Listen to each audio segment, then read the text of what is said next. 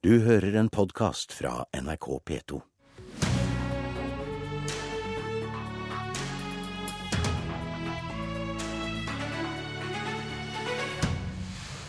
Løkke Rasmussen og danske Venstre gikk tilbake over 7 prosentpoeng. Likevel blir han statsminister. Sosialdemokratene gikk fram, men blei likevel slått på målstreken. Vel møtt til et dansk politisk kvarter. Kommentator Magnus Takvam, du var i Borgen, eller Folketinget som det også heter, til langt på natt, og er nå med oss fra studio i København. Og Venstre og Løkke Rasmussen tapte valget. Likevel så er det han nå som skal forsøke å danne regjering. Hvem er det han skal få med seg? Ja, Det er jo det store spørsmålet som ingen har svaret på eh, ennå.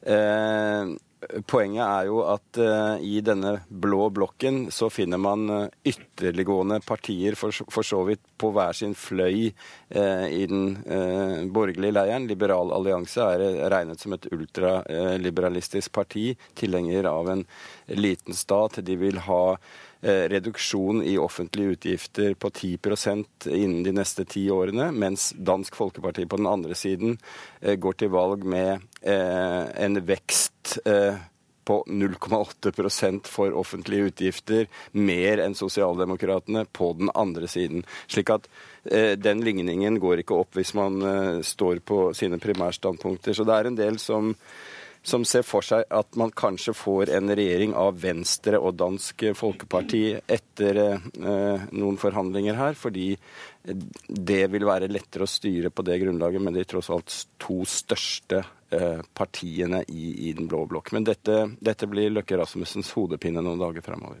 Men eh, Dansk Folkeparti har sagt at de ikke ønsker å være med i regjering. Hva skal til for at de kan ombestemme seg? Nei, De må få gjennomslag på viktige punkter for, eh, for uh, sin, sin, politikk. De har stilt tidligere uh, en del helt konkrete krav for å gå, i, gå, inn i regjering. Det dreier seg om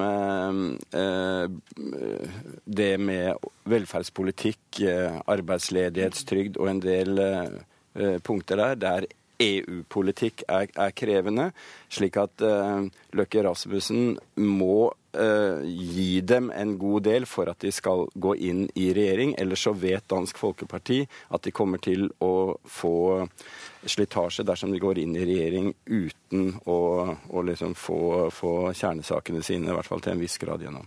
Du var eh, som nevnt oppe til langt på natt. Kan du ta oss med litt tilbake og beskrive litt hvordan det var å være i Borgen i natt? Ja, Det er jo en helt spesiell stemning. Der er det valgvaker i de ulike lokalene for, for de fleste partiene, med rockemusikk og servering av, av uh, vin og øl og, og folk som er pynt, stivpyntet eller som går i slitte klær om hverandre. Og særlig på Dansk Folkepartis valgvake så var det kjempehøy stemning, selvfølgelig. Det var ja, kjempeglorete utstyrt, med damer med silkekjoler og champagne og, og, og veldig, veldig partystemning. Så det, det, var ikke vanskelig å se hvem som var vinnerne i, i Borgen i går. Magnus Takvam, takk for analysen og skildringene. Her i studio har vi samla et panel med politikere som er opptatt av og har tilknytning til Danmark. Først Kristian Norheim. Du har hatt ansvaret for Frp sitt internasjonale arbeid i nesten et tiår og kjenner dansk politikk godt. Kan du først eh, forklare meg, Hva er grunnen til at Dansk Folkeparti gjorde et brakvalg? Jeg tror en av grunnene er at de fremstår som eh, et veldig tydelig alternativ i dansk politikk. Eh, de, fremstår også som originalen på en streng eh, utlendingspolitikk. Det er stort sett alle partier i Danmark enige om. og Det, er liksom ikke der diskusjonen egentlig går. De fremstår som originalen som har pressa fram det i debatten. Eh, og så fremstår de som et bredt eh, folkeparti. De har en veldig dyktig eh, leder som er respektert, Kristian Thulesen Dahl, som tok over etter veldig høyt profilerte Pia Kjærsgaard. Man lurte på hvordan det skulle gå, og det har jo gått veldig bra. Og han er anerkjent. Han er en rolig, behersket, kunnskapsrik type. Som, som har nok leda partiet inn til andre velgergrupper også. Og nå er det jo det store spørsmålet kommer Dansk Folkeparti til å gå inn i regjering, når de nå er større enn Venstre. Hva tror du? I utgangspunktet så har de jo ikke villet dette her. Og det er jo den spesielle situasjonen at eh, de har ikke blitt frosset ut på noe vis av de andre partiene på eh, borgerlig side. Så det er opp til Dansk Folkeparti om de vil være med. Både eh, Venstre og Liberal allianse og Konservativ Folkeparti har sagt at de ønsker at Dansk Folkeparti skal med i en regjering. Dansk Folkeparti vil vurdere dette her selv. Eh, og, eh, og, det er jammen ikke helt sikkert. Det kan godt være at det kommer til å bli en eh, mindretallskonstellasjon med Venstre som sitter i regjering, og så har de støtte fra de tre andre borgerlige partiene. Jette Christensen, stortingsrepresentant i Arbeiderpartiet. Du er halvt dansk og følger også dansk politikk tett. Hvordan Danmark er det de våkner opp til i dag? Jeg tror Danmark våkner til det spørsmålet som Lars Løkke Rasmussen fikk når han kom ut døra hjemme i går og skulle eh, reise for å ta over som statsminister, da fikk han spørsmålet Lars Løkke Rasmussen, har du tapt eller vunnet? Eh, og det eh, står Danmark eh, overfor nå. Det er en veldig spesiell situasjon. Det er partiet som går mest fram, eh, og det største, eh, og det største partiet taper valget eh, og mister statsministeren, eh, og lederen går av. Og så har vi eh, Det danske Folkepartiet, som mest av alt overrasker seg sjøl med å få en enorm vekst og stor oppslutning. Og jeg eh, mener jo thrilleren begynner nå. Nå er det jo vi ser om hvorvidt Dansk Folkeparti tårer å ta det ansvaret som ligger i å sitte i regjering, eller ikke. Hva tror du? Jeg tror de kommer til å holde dere på pinebenken ganske lenge. Jeg tror at eh, thrilleren overhodet ikke er ferdig. Dansk Folkeparti er nok redd for det ansvaret som henger med å være i regjering. De har nok sett eh, eh hvordan det har svekka eh, andre fløypartier, både på venstre og høyre side i landene som ligger rundt. I tillegg så er det jo sånn at man kan risikere en ganske stor brain drain når man skal svekke et, eller tappe et parti for å få så mange, fylle så mange mandater, så mange rådgivere, så mange mange ansatte som man trenger for å drifte en så stor gruppe som Dansk Folkeparti nå har fått. Eh, men de har jo drevet en god valgkamp. De har vært flinke der de andre har svikta. Eh, på eh, ute på landsbygda og på Færøyene og Grønland. Så det er nok en fortjent seier, men det er veldig stort paradoks at det største partiet på høyresida gjør seg hard to get på å komme i regjering. Michael Tetzschner, du er født i Danmark og har også fulgt eh, dansk politikk i ei årrekke. Hvor vanskelig blir det for eh, Løkke Rasmussen å stable et eh, styringsdyktig regjeringsalternativ på beina nå? kan bare si at Valgresultatet det er veldig tett opp til det veldig mange meningsmålinger har antydet over lengre tid. Hele Torning-Smiths regjeringsprosjekt lider jo under at hennes støttepartier har blitt halvert. Og at hun, hun, ville vært avhengig av et helt uforutsigelig eh, parti som i Norge ville minne mest om Rødt. Men det er ikke helt men, enkelt men, på den blå sida heller? Eh, det er faktisk ganske mye enklere, fordi det som er hovedaksen i den neste regjeringen, og som også var i Fogh Rasmussens regjering og Lars Løkke Rasmussens regjering, det var en eh, forståelse mellom Dansk Folkeparti, som allerede da var et stort parti, og Venstre, som den gangen var større. Hvis vi summerer eh, deres oppslutning i valg, så er det 40 og så har det skjedd en intern omfordeling, kanskje fordi noen velgere har vært litt irritert på litt uorden i, i de private regnskapene til eh, Løkke Rasmussen. Men det har ikke skjedd et jordskredsvalg. Og Dessuten så er jeg helt uenig med Takvam når han beskriver at eh, Dansk Folkeparti har stilt krav om Eh, regjeringsdeltakelse, og at det tidligere ikke har ført frem. Det, det, er i så fall en nyhet. fordi det er nettopp ligget i deres suksess at de har hatt et klart støttepartifunksjon. Eh, hvor de har kunnet få frem sine primærstandpunkter, særlig innenfor innvandringsfeltet. Men de har også vært en veldig forutsigbar partner for eh, de tidligere Venstre-statsministrene. Og det var akkurat det de pekte på før valget. Det er derfor det ikke er så stor uenighet eller usikkerhet om at det blir Lars Løkke Rasmussen som blir statsminister. Mm. Det er fordi Kristian Thulesen Dahl selv har sagt helt opp til det siste at vi blir stående utenfor regjeringen, og vi peker på Lars Løkke Rasmussen. Og så kan man jo spørre er det etablert en ny psykologi fordi de altså har kommet eh, halvannen prosent foran Venstre, og at Venstre så vidt har glippet under 20 %-grensen. Mm. Norheim, hvor ekstreme er egentlig Dansk Folkeparti? I en europeisk setting så er ikke Dansk Folkeparti spesielt ekstreme. Hvis du sammenligner med Front National i Frankrike eh, eller Vlaams Belang i Belgia, så er det ikke noe spesielt ekstremt parti. Men de er et, eh, hva skal jeg si, et sosialdemokratisk altså parti med en veldig streng innvandringspolitikk, veldig ensidig fokus på innvandring.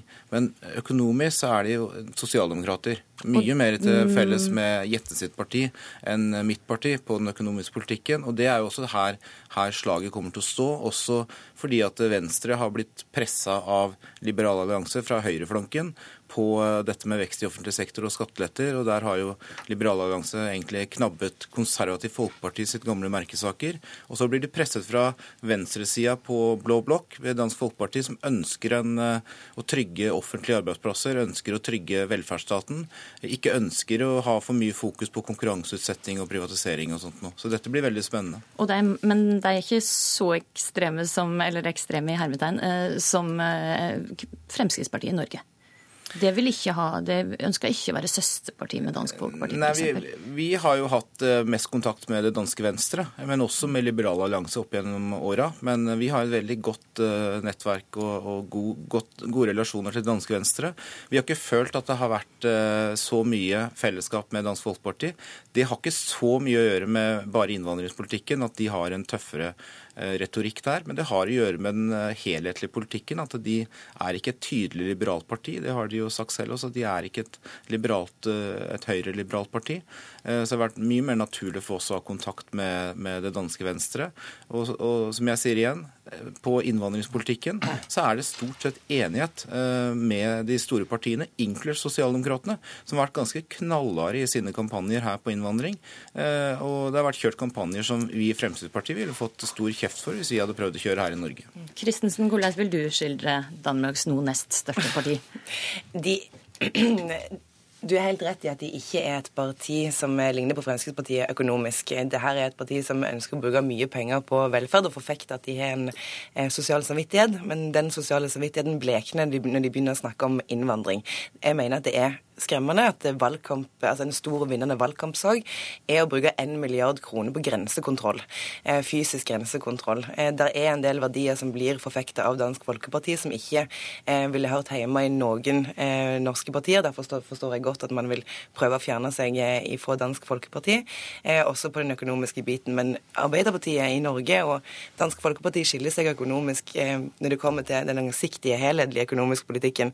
Dansk Folkeparti er veldig interessert i å bruke penger penger akutt der og da, men eh, faller litt av lasset når eh, Arbeiderpartiet snakker om langsiktig økonomisk og eh, trygg styring. Mm. Du, Vi må snakke litt om Helle Thorning-Smith, som altså har leia Sosialdemokratene i over ti år, gjennom åtte valg. Uh, og det var altså henne som folk flest ville ha som statsminister. Hun gjorde et godt valg. Likevel så trakk hun seg i natt. Uh, hvordan leier er det Sosialdemokratene nå mista? De mista en leder som altså, Når hun gikk ut og sa at hun skulle trekke seg i går, eh, så, det, så ble det ropt unisont 'nei' på valgvaken. Jeg forstår at hun føler at hun har gjort en eh, jobb som kanskje eh, er ferdig nå. Hun har ledet en god valgkamp med de ingrediensene som kanskje ikke er lett overførbare til Norge, all den tid det er veldig stort personfokus på valgkampen i Danmark. vi er uenige om innvandringspolitikken, det er veldig rart å sitte og være publikum. Men Helle har vært en sterk leder, klart å mobilisere grasrotet, klart å få eh, sosialdemokratiet til, eh, i Danmark til å begynne å gjøre det som har svikta lenge. Det som er ledig i Danmark, det er det store politiske prosjektet som alle kan føle seg hjemme i. Danskene trenger å få et prosjekt som kan gi språk til de lengslene eh, om som dreier seg om, eh, og ha noen å stole på, som har noen som forteller om den politikken som dreier seg om deres liv. Danmark, eh, I Danmark så bor makten på en liten øy, langt vekk ifra eh, veldig mange andre i Danmark der de bor, og det er et ledig politisk prosjekt. Men Helle er klart å flytte sosialdemokratiet nærmere det. Det skal hun ha skryt for. Hun har alltid vært flink til å drive grasrotvalgkamp, så det skal bli vanskelig å matche henne. Men jeg, jeg ønsker de lykke til, og de er mange gode kandidater.